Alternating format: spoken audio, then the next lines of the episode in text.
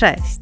Nazywam się Aleksandra Inszewska-Cardone i zawodowo zajmuję się historią sztuki. W podcaście dzielę się moją wiedzą o sztuce dawnej, zwłaszcza tej powstałej w Niderlandach, czyli dzisiejszej Belgii i Holandii. Otulina o sztuce to również okazja, by zatrzymać się w codziennym biegu i wsłuchać w opowieść dającą wytchnienie. A jeśli podoba Ci się ten podcast, możesz go wesprzeć za pośrednictwem serwisu Patronite, wpisując tam Otulina o sztuce. Dzisiaj ciąg dalszy naszych wrześniowych spotkań, które poświęcam moim patronom i Waszemu wsparciu. I na temat dzisiejszego odcinka wybrałam obraz Święty Łukasz rysujący Madonnę z dzieciątkiem, który co prawda znajduje się w Muzeum Fine Arts w Bostonie, ale ja widziałam jego wersję w chronikę Muzeum w Brugi, gdzie dotarłam dzięki wsparciu, które od Was otrzymuję. Możecie od razu zapytać, jak to się dzieje, że będę mówiła o dziele z Bostonu, a zostałam zainspirowana dziełem z Brugi. Otóż jest to kolejny przykład tego, że dzieła, które dzisiaj znamy i które podziwiamy, w czasie kiedy były tworzone, często funkcjonowały nie tylko w jednej wersji, ale były powielane zarówno w warsztatach twórców, w tym wypadku Rochiera van der Weydena, albo były powielane przez innych twórców, ale z bardzo dużą wiernością oryginałowi. I tak właśnie dzieje się w przypadku tych dwóch obrazów, ponieważ dzieło z Brugi zostało wykonane około 1500 roku, jednak na podstawie tego dzieła, które e, znajduje się w Bostonie i powstało zapewne około 1435-1440 roku, czyli co najmniej 60 lat wcześniej. Co więcej, nie jest to jedyna kopia świętego Łukasza rysującego Madonnę, ponieważ oprócz tej w Brugi znane są jeszcze dwie wersje. Jedna w Starej Pinakotece w Monachium, a druga w Ermitażu w Petersburgu i ta ostatnia jest trochę mniejsza od pozostałych, ponieważ została przycięta, czyli to nie jest tak, że była to pomniejszona wersja tego obrazu, tylko kiedyś na etapie już istnienia tego dzieła w czasie została przycięta od swojej e, górnej krawędzi. Myślę, że już to krótkie zestawienie funkcjonujących kopii, które są dokładnym powieleniem kompozycji, pokazuje Wam, jak popularne było to dzieło w XV wieku. I teraz wyjaśnię Wam, skąd ta popularność się wzięła i jak ważna była twórczość Rochiera van der Weydena dla artystów czy jemu współczesnych, czy później młodszych o jedno czy dwa pokolenia. Zacznijmy może jednak od tego, co możemy zobaczyć w tej kompozycji. Jako widzowie zaglądamy do wnętrza dosyć wystawnego pomieszczenia. Nie wiadomo tak do końca, czy jest to wnętrze pałacowe, czy jest to wnętrze jakiegoś domu mieszczańskiego, czy może jest to wnętrze kaplicy. I tam właśnie umieszczeni są święty Łukasz, to ten mężczyzna w czerwonym płaszczu, oraz Madonna z dzieciątkiem, która zasiada na tle takiego bardzo dekoracyjnego, brokatowego baldachimu. Co ciekawe, jeżeli przyjrzycie się uważniej konstrukcji tego baldachimu, to on jest taki mocno zaaranżowany, ponieważ ta tkanina, z której jest on wykonany, jest tak podwieszona do powały sufitu, do jednej z belek, więc możemy przyjąć, że nie jest to stała kompozycja i że nie jest to taki tron, na którym Madonna zasiada i w swoim majestacie przejawia swoją moc. To raczej sytuacja, którą moglibyśmy spotkać w pracowni malarza jeżeli szkicowałby on właśnie z modela i jednocześnie aranżowałby sobie całą scenerię, taka, żeby ją wiernie odtworzyć. To mi trochę przypomina pracownie fotograficzne, kiedy robione są takie zdjęcia pamiątkowe i jest jakaś potrzeba, żeby umieścić rodzinę czy jedną postać w takim jakimś charakterystycznym pomieszczeniu czy na charakterystycznym tle, to ono też jest tworzone w taki tymczasowy, iluzoryczny sposób. I to jest bardzo ciekawy element tutaj, w tym obrazie, zastosowany przez Rochiera van der Weydena. I takich elementów jest dużo więcej. To znaczy takich, które nawiązują do pracy, do praktyki malarzy, do praktyki tworzenia w pracowni i też tego, jakie etapy są przygotowawcze do stworzenia ostatecznego dzieła, w tym wypadku obrazu. Staje się to tym wyrazistsze, jeśli przyjrzymy się, co właściwie robi święty Łukasz. Święty Łukasz jest patronem malarzy i to wiąże się z jego legendą, oczywiście jedną z kilku z nim związanych, że miałby stworzyć portret właśnie Madonny i Jezusa, namalować portret Madonny i Jezusa jeszcze za życia tych postaci.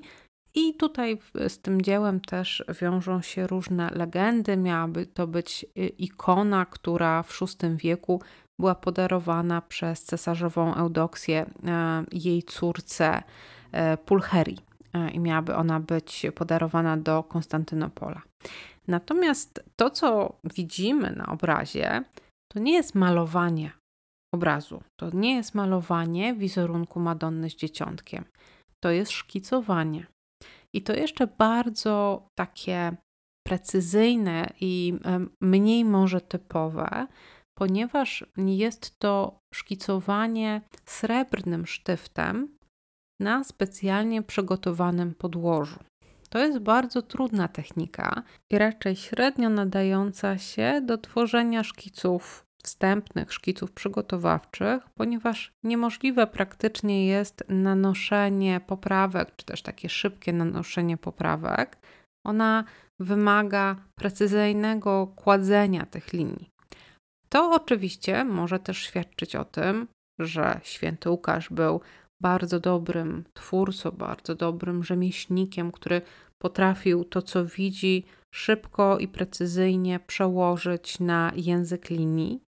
Może być to też związane z jego szacunkiem wobec tematu przedstawienia, ponieważ e, takie rysunki sztyftem były też cenione później u kolekcjonerów, były też zbierane jako dzieła, które są dużo bardziej mm, przemyślane czy takie unikatowe niż studia kompozycyjne, niż takie studia wykonywane jakąś łatwiejszą w obsłudze techniką. I to pierwszy punkt innowacyjności tego dzieła e, Urochiera van der Weydena. Drugi się z tym wiąże, to znaczy brak sztaluk, brak palety, brak pędzla. Tutaj tych elementów, które są niezbędne do malowania, ale jak wyobrazicie sobie tę sytuację, jeżeli święty Łukasz miałby zasiadać przed sztalugami, to wtedy ten jego kontakt z Madonną, jego wspólne bycie w przestrzeni, którą ukazał tutaj Rochier van der Weyden, byłoby zakłócone. Nie polegałoby na takiej obserwacji, w związku z tym bezpośrednim kontakcie z tematem tego przedstawienia, ale też i ze świętą postacią, tylko byłoby przedzielone. Byłoby odgrodzone niejako jak e, ekranem, właśnie tą sztalugą, na której musiałaby stać deska, na której malowałby święty Łukasz. Jeśli się nad tym zastanowić, to również jest pewne podbudowanie zawodu malarza, podniesienie rangi zawodu malarza, ponieważ on staje w tej samej przestrzeni, w której jest święta postać. Oczywiście tutaj nie mamy do czynienia z artystą, nie mamy do czynienia z malarzem per se. Nie jest to konkretny artysta, tylko święty Łukasz, ale po pierwsze, on był patronem malarzy, był patronem cechów malarskich, które powstawały w średniowieczu. Co więcej, badacze podnoszą, że rysy świętego Łukasza skrywają w sobie autoportret Rochiera van der Weydena, Czyli mielibyśmy tutaj takie przeniesienie między sceną, która jest sceną religijną, sceną, która ilustruje pewną legendę, a konkretną postacią, postacią Rochiera van der Weydena, autora tego dzieła.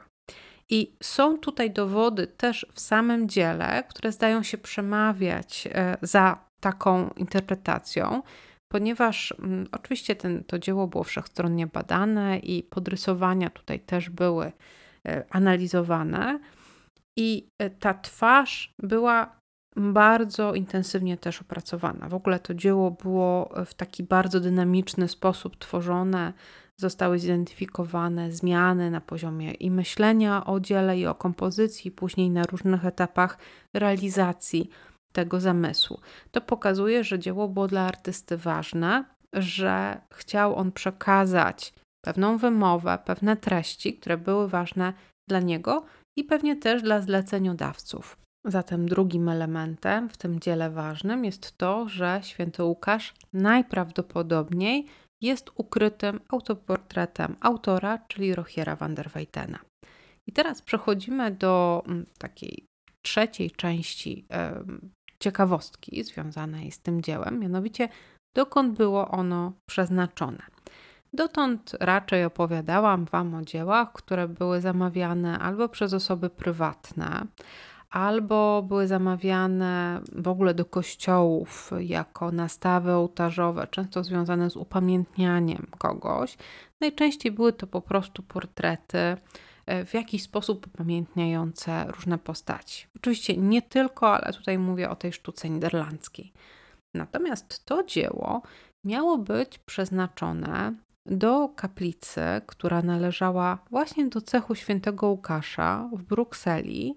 I w, ta kaplica świętej Katarzyny znajdowała się w katedrze świętej Guduli.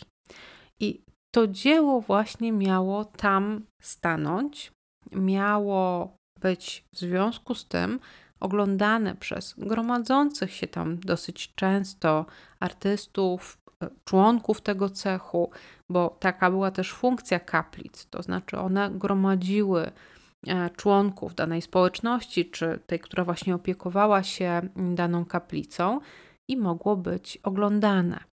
I tak jak spojrzycie na to dzieło, to zauważycie, że to nie jest tryptyk, tylko to jest pojedyncza tablica, co oznacza, że cały czas była widoczna właśnie w takiej formie, w jakiej my ją oglądamy, to znaczy nie zasłaniały jej zamknięte skrzydła.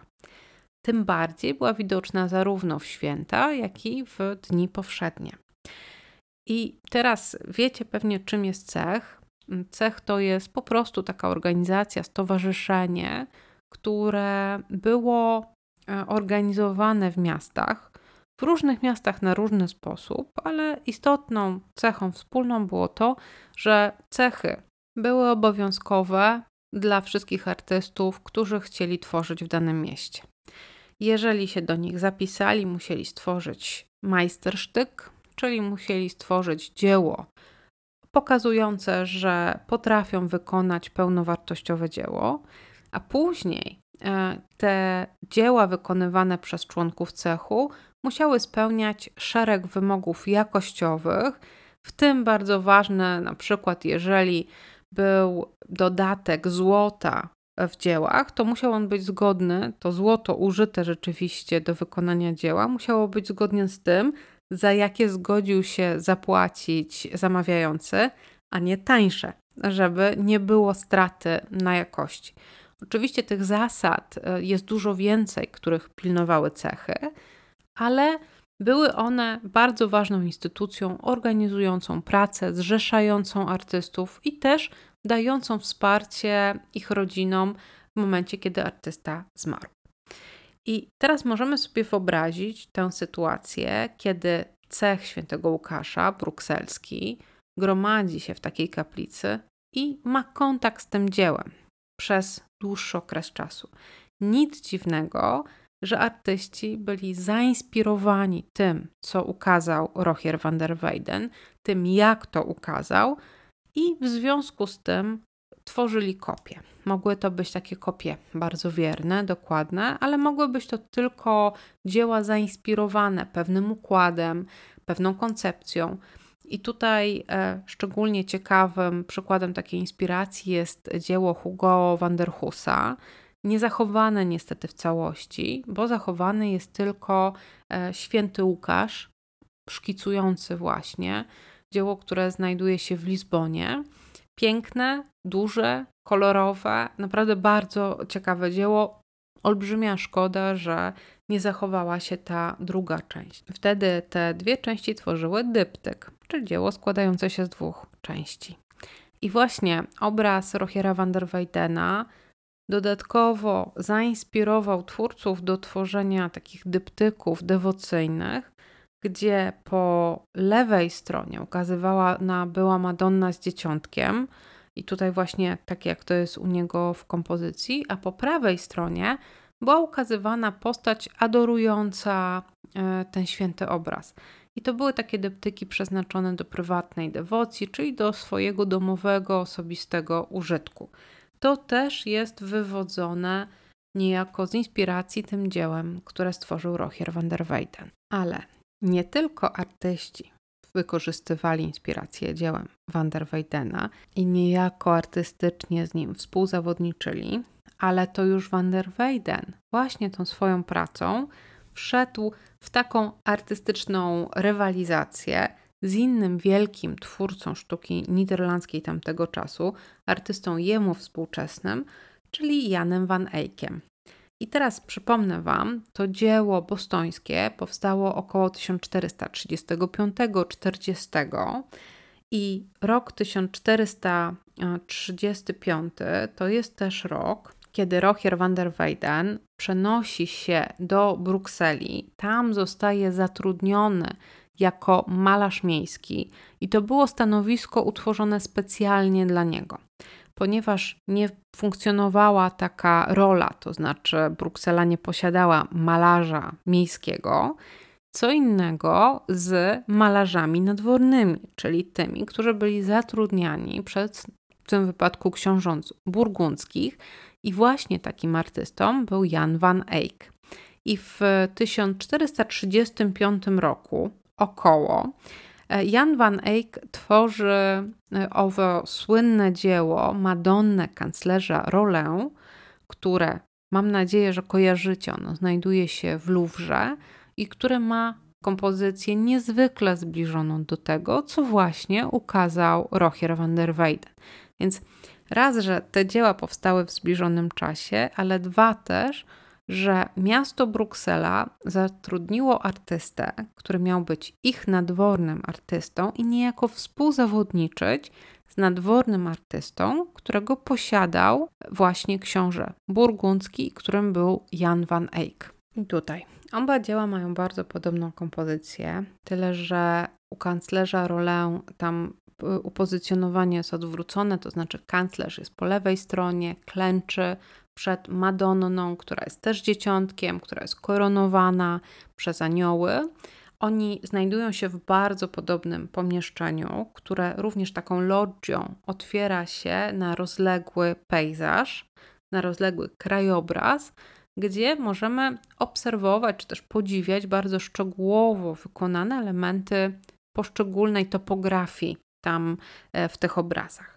Co jeszcze jest wspólne, to to, że mm, na takim planie pośrednim w obu przypadkach znajdują się takie dwie figurki, dwie postaci zwrócone do nas, widzów, plecami, ale podziwiające, też patrzące się w tą przestrzeń, która otwiera się zarówno przed nimi, jak i przed nami.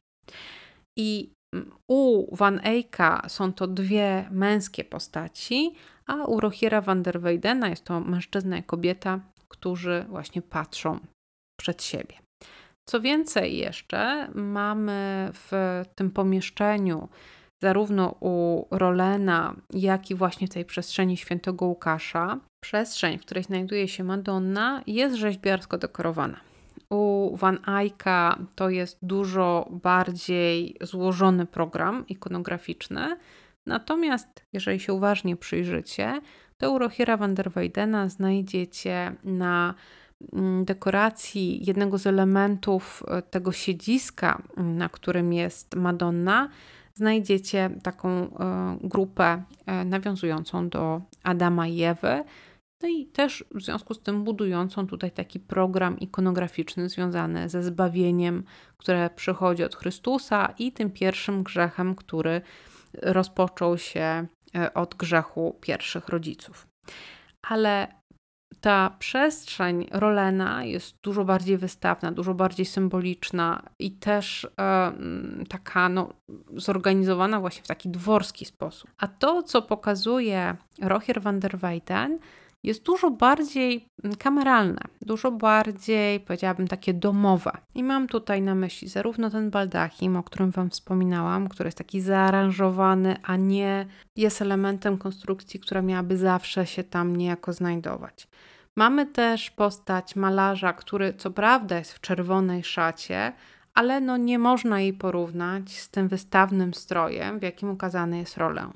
Poza tym mamy również takie małe pomieszczenie, które znajduje się w tle za świętym Łukaszem, które jest pracownią tego świętego Łukasza. I to jest bardzo ciekawe miejsce, bo tam nie znajdziemy jego pomocy do pracy jako malarza, czego moglibyśmy się spodziewać, myśląc o tym, że po prostu to jest jego pracownia, tylko odnajdziemy tam inny atrybut jego działalności, czyli księgi, no bo przecież święty Łukasz jest jednym z ewangelistów. I teraz, jeżeli przyjrzycie się bardzo uważnie ciemnej przestrzeni pod pulpitem, pod biurkiem świętego Łukasza, to dostrzeżecie tam leżącego wołu, bo właśnie on jest atrybutem świętego Łukasza jako jednego z czterech ewangelistów. Tym samym artysta nawiązuje tutaj do różnych ról, które były sprawowane przez świętego Łukasza, też jego wagi jako mm, ewangelisty, jako tego, który spisał historię życia Jezusa i dla wiary, dla religii jest to ta jego pierwsza tożsamość, niejako pierwsza rola. Jednak dla artystów najważniejsze jest to, co się dzieje właśnie w tej scenie głównej. I ostatni element, który jest e, podobny, ale trochę inny na obu obrazach, to jest ta przestrzeń, to jest ten pejzaż, który otwiera się przed widzem. Przypadku Madonny, kanclerza Rolę, jest to przestrzeń interpretowana z jego, czyli kanclerza, dobytkiem, jego włościami, jego zasługami, i tam te poszczególne elementy są tak tłumaczone. Natomiast w dziele Rochiera van der Weydena, zwłaszcza w tej części po lewej stronie, mamy ukazane wnętrze miasta razem z jego takim codziennym rytmem. Mamy postać kobiety, która właśnie wchodzi niejako w plątaninę uliczek z jakimiś wiadrami, może niesie wodę. Mamy postaci rozmawiające, mamy domy ukazane z dosyć dużą precyzją. Oczywiście musimy się bardzo z bliska przyjrzeć. Po środku jest e, rzeka, która wije się, która płynie i która oddziela drugą część tego krajobrazu od miasta. Tu wydaje się, że albo jest to jakiś klasztor, albo jest to jakiś pałac, zamek, ponieważ mamy bardzo wysokie mury, które okalają e, całość tej budowli znajdującej się po prawej stronie. I trochę to wygląda tak, że ten budynek, w którego wnętrzu niejako jesteśmy jako widzowie, patrząc na scenę ze świętym Łukaszem, co najmniej przylega właśnie do tej e, zamkniętej fortyfikacji, a co najmniej no, okna jego wychodzą właśnie na tą zamkniętą część. Być może jest to taka fantazyjna wizja w ogóle miasta, być może nawet samej Brukseli, albo po prostu nawiązanie do tej roli artysty jako mieszczanina też, należącego do gildii, należącego do cechu, a cech przecież jest organizacją miejską. Jest sposobem dbania o własne interesy artystów, no i tutaj wracamy też do tej roli, jaką otrzymał van der Weyden od miasta Brukseli, czyli tego malarza miejskiego, co może nam podpowiadać, że samo miasto chciało być równe e, księciu i też posiadać artystę o niezrównanych e, umiejętnościach, o niezwykłym talencie, jakim zdecydowanie był Rochier van der Weyden, na swoje własne zlecenie i móc się nim pochwalić. Dzieło to, jak już Wam wspominałam, było niezwykle cenione przez artystów i nawet nie tyle ten układ był e, powszechnie kopiowany, ale też samo przedstawienie Madonny z dzieciątkiem, którą portretował święty Łukasz, artyści przyjmowali jako rodzaj takiego właśnie świętego obrazka, obrazka dewocyjnego, ukazującego Madonnę karmiącą e, Chrystusa. Taki typ nazywa się Madonna Lactans. I on też e, później funkcjonował w wielu powtórzeniach. Oczywiście one były często bardzo kreatywnie przetwarzane, nie są to kopie jeden do jeden. Natomiast samo dzieło cieszyło się uznaniem tak dużym, że Filip II, który był królem hiszpańskim w XVI wieku, zabrał je do Escorialu. Tak jak wiele dzieł wówczas Habsburgowie, właśnie hiszpańscy, zabierali z, tej, z tego dominium, które należało do nich. Filip II był miłośnikiem sztuki i kolekcjonerem, więc e, to był jego taki dosyć e, naturalny odruch. I później to dzieło było w Hiszpanii mm, przez długi czas i w, pod koniec XIX wieku trafiło na rynek aukcyjny i w ten sposób właśnie dotarło do Stanów Zjednoczonych i obecnie jest w Bostonie. Muszę przyznać, że sama bardzo chętnie bym je zobaczyła, ponieważ widziałam już dwie wersje, o których Wam wspominałam, czyli tą jedną z Brugi, a także widziałam wersję z Ermitażu, bo kiedy jeszcze nie było wojny, jedno z muzeów w Amsterdamie prowadziło współpracę właśnie z Ermitażem i sprowadzało dzieła z kolekcji rosyjskiej, ażeby pokazywać je w Amsterdamie i wtedy też miałam okazję je zobaczyć. Nie widziałam jeszcze wersji ze starej pinakoteki i właśnie tego dzieła z Bostonu też jeszcze nie widziałam na własne oczy, więc bardzo chętnie nadrobiłabym tą zaległość, czego również i Wam życzę. Dziękuję, że jesteście, dziękuję, że słuchaliście. Dziękuję też wszystkim moim patronom za wsparcie. Jak widzicie, jest ono dla mnie niezwykle inspirujące, napędzające mnie do pracy i też umożliwiające mi odkrywanie kolejnych nowych miejsc, oglądanie rzeczy na własne oczy. I uwierzcie mi, to jest dla mnie ważne. Dziękuję jeszcze raz i do usłyszenia w przyszłym tygodniu.